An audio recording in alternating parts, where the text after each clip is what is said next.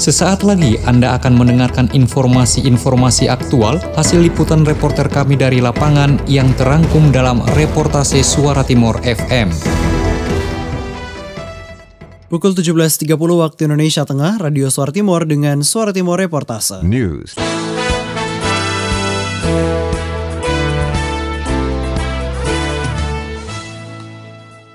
Kita awali dengan reportase tentang kuasa hukum minta pemeriksaan terhadap mantan wali kota Kupang ditunda.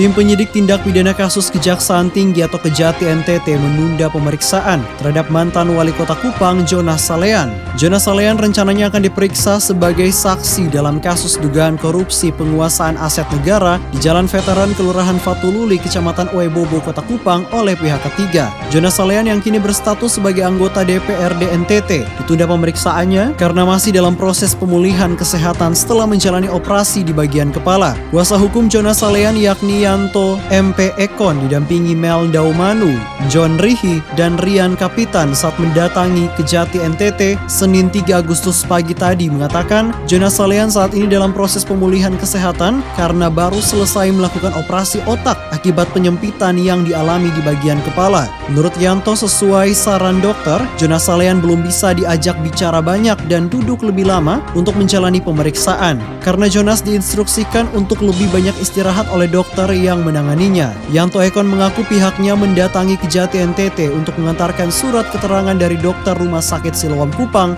yang menyatakan saksi sementara dalam pemulihan kesehatan. Sementara itu Kasih Penkum dan Humas Kejati NTT Abdul Hakim ketika dikonfirmasi membenarkan adanya penundaan pemeriksaan terhadap mantan wali kota Kupang Jonas Salean. Abdul menjelaskan alasan permintaan penundaan pemeriksaan karena Jonas Salean dalam kondisi sakit setelah menjalani operasi di bagian kepala. Karena itu penyidik akan menggelar rapat lagi untuk menentukan jadwal pemanggilan selanjutnya terhadap mantan wali kota Kupang, Jonas Salean. Kita beralih ke berita selanjutnya. Gubernur NTT sebut petani merupakan profesi sentral.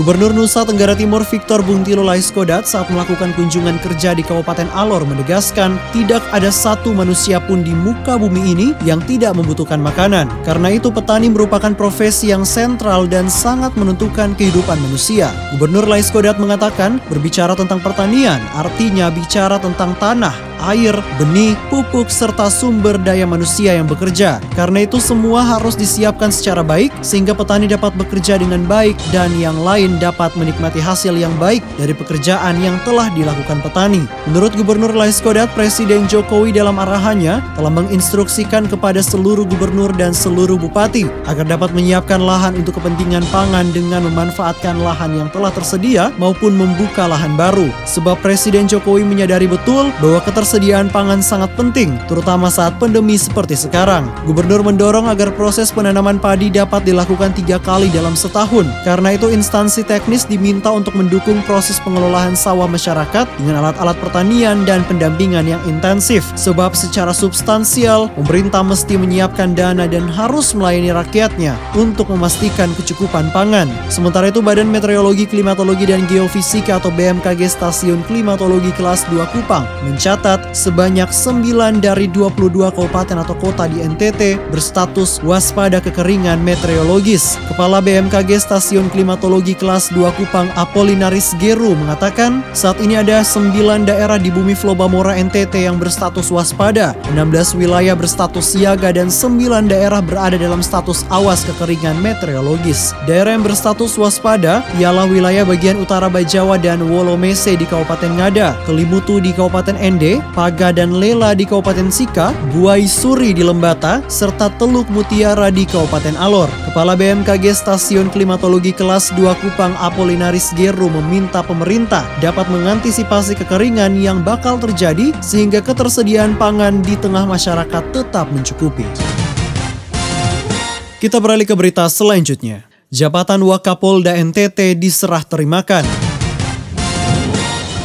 Kepala Kepolisian Daerah Nusa Tenggara Timur atau Kapolda NTT Irjen Pol Dr. Randus Hamidin memimpin upacara serah terima jabatan Wakil Kepala Kepolisian Daerah atau Wakapolda NTT di Mapolda NTT Senin 3 Agustus pagi tadi.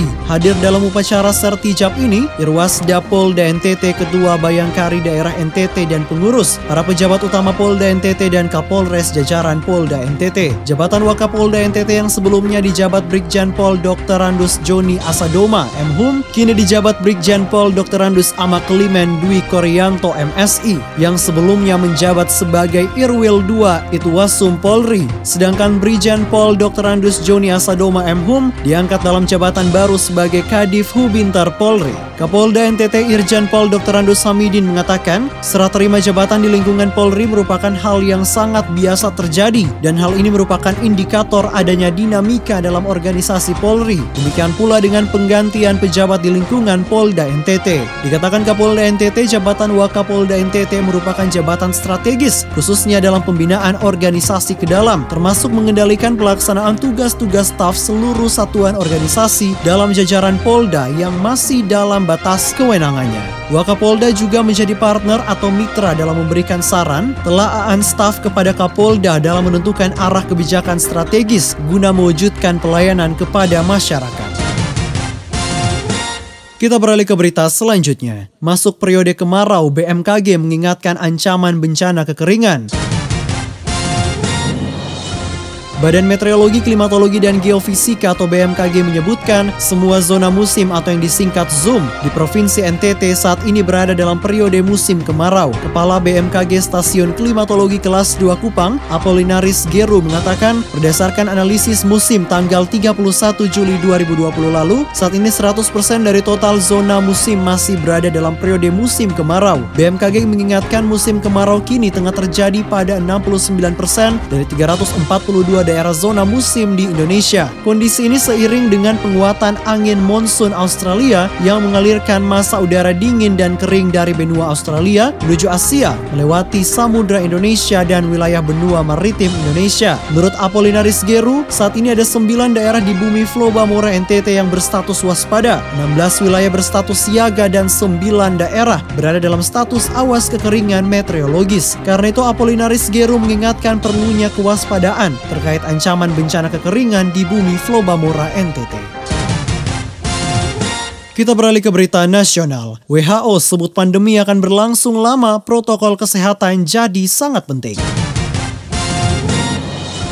Juru bicara Satuan Tugas COVID-19 Wiku Adi Sasmito mengatakan perubahan perilaku masyarakat dalam menjalankan protokol kesehatan dengan disiplin sangat penting untuk memutus mata rantai COVID-19. Dikutip dari kompas.com, Wiku Adi Sasmito mengatakan dari cara penularan COVID-19 bisa berhenti apabila protokol kesehatan dijalankan dengan baik. Dengan demikian, prediksi Organisasi Kesehatan Dunia atau WHO terkait pandemi COVID-19 yang disebut akan berlangsung lama tidak akan terjadi. Menurut Wiku Adhisa Smito, kelompok yang rentan COVID-19, yaitu penderita penyakit komorbid dan usia lanjut, mereka perlu dilindungi dari paparan virus corona, baik dari pandemi berlangsung dalam waktu pendek maupun lama. Selanjutnya WHO pada Sabtu 1 Agustus lalu memperingatkan bahwa pandemi virus corona kemungkinan akan bertahan lebih lama. Peringatan itu disampaikan setelah Komite WHO mengadakan pertemuan darurat untuk mengevaluasi krisis wabah yang terjadi selama enam bulan belakangan. Komite tersebut menggarisbawahi antisipasi terhadap panjangnya durasi wabah COVID-19 dalam memperingatkan tentang resiko kelelahan dalam penanggulangan wabah karena tekanan sosial ekonomi di banyak negara. Virus corona yang menyebabkan penyakit COVID-19 telah menewaskan setidaknya 880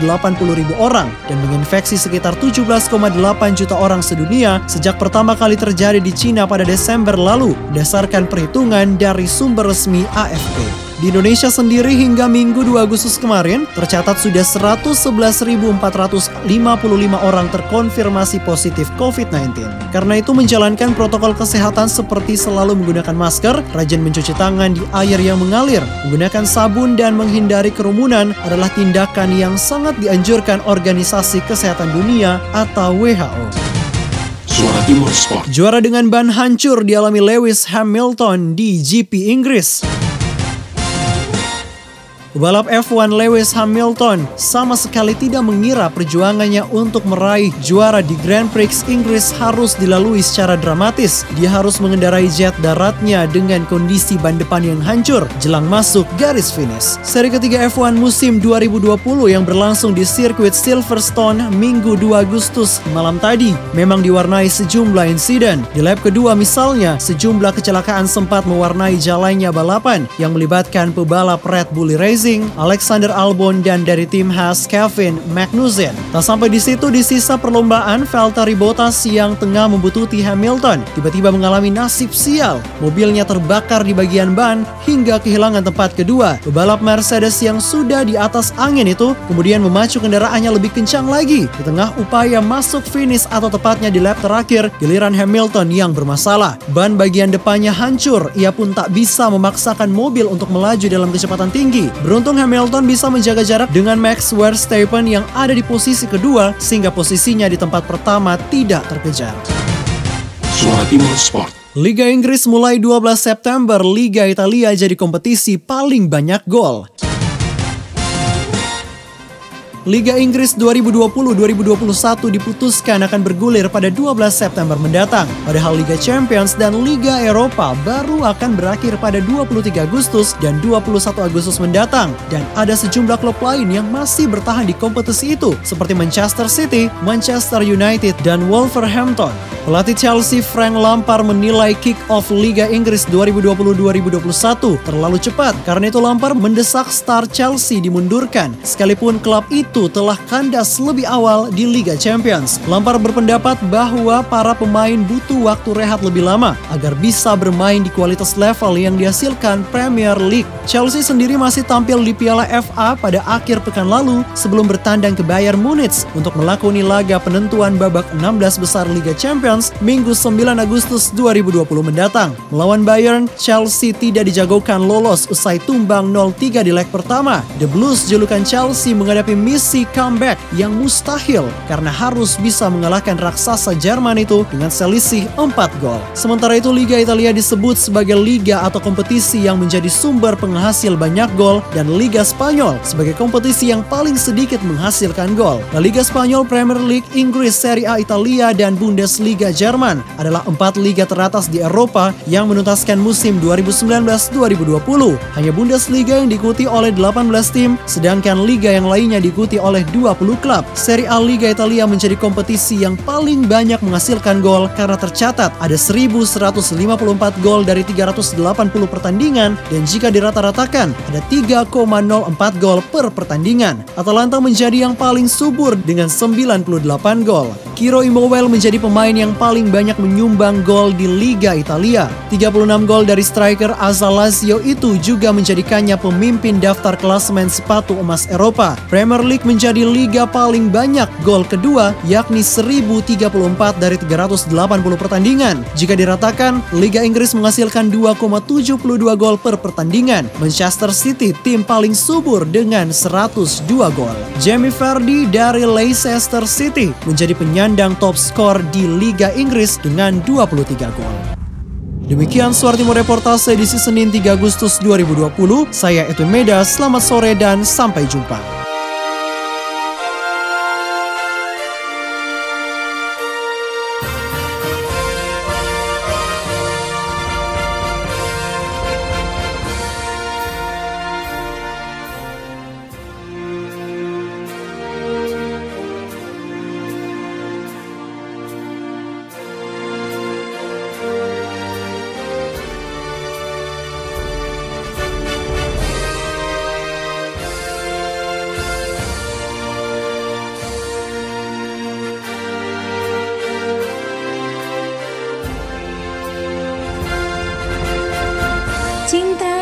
Indonesia. Saya dilahirkan di bumi Indonesia. Saya minum air dari bumi Indonesia. Saya makan dari hasil bumi Indonesia. Saya berpijak di tanah bumi Indonesia karena saya Indonesia.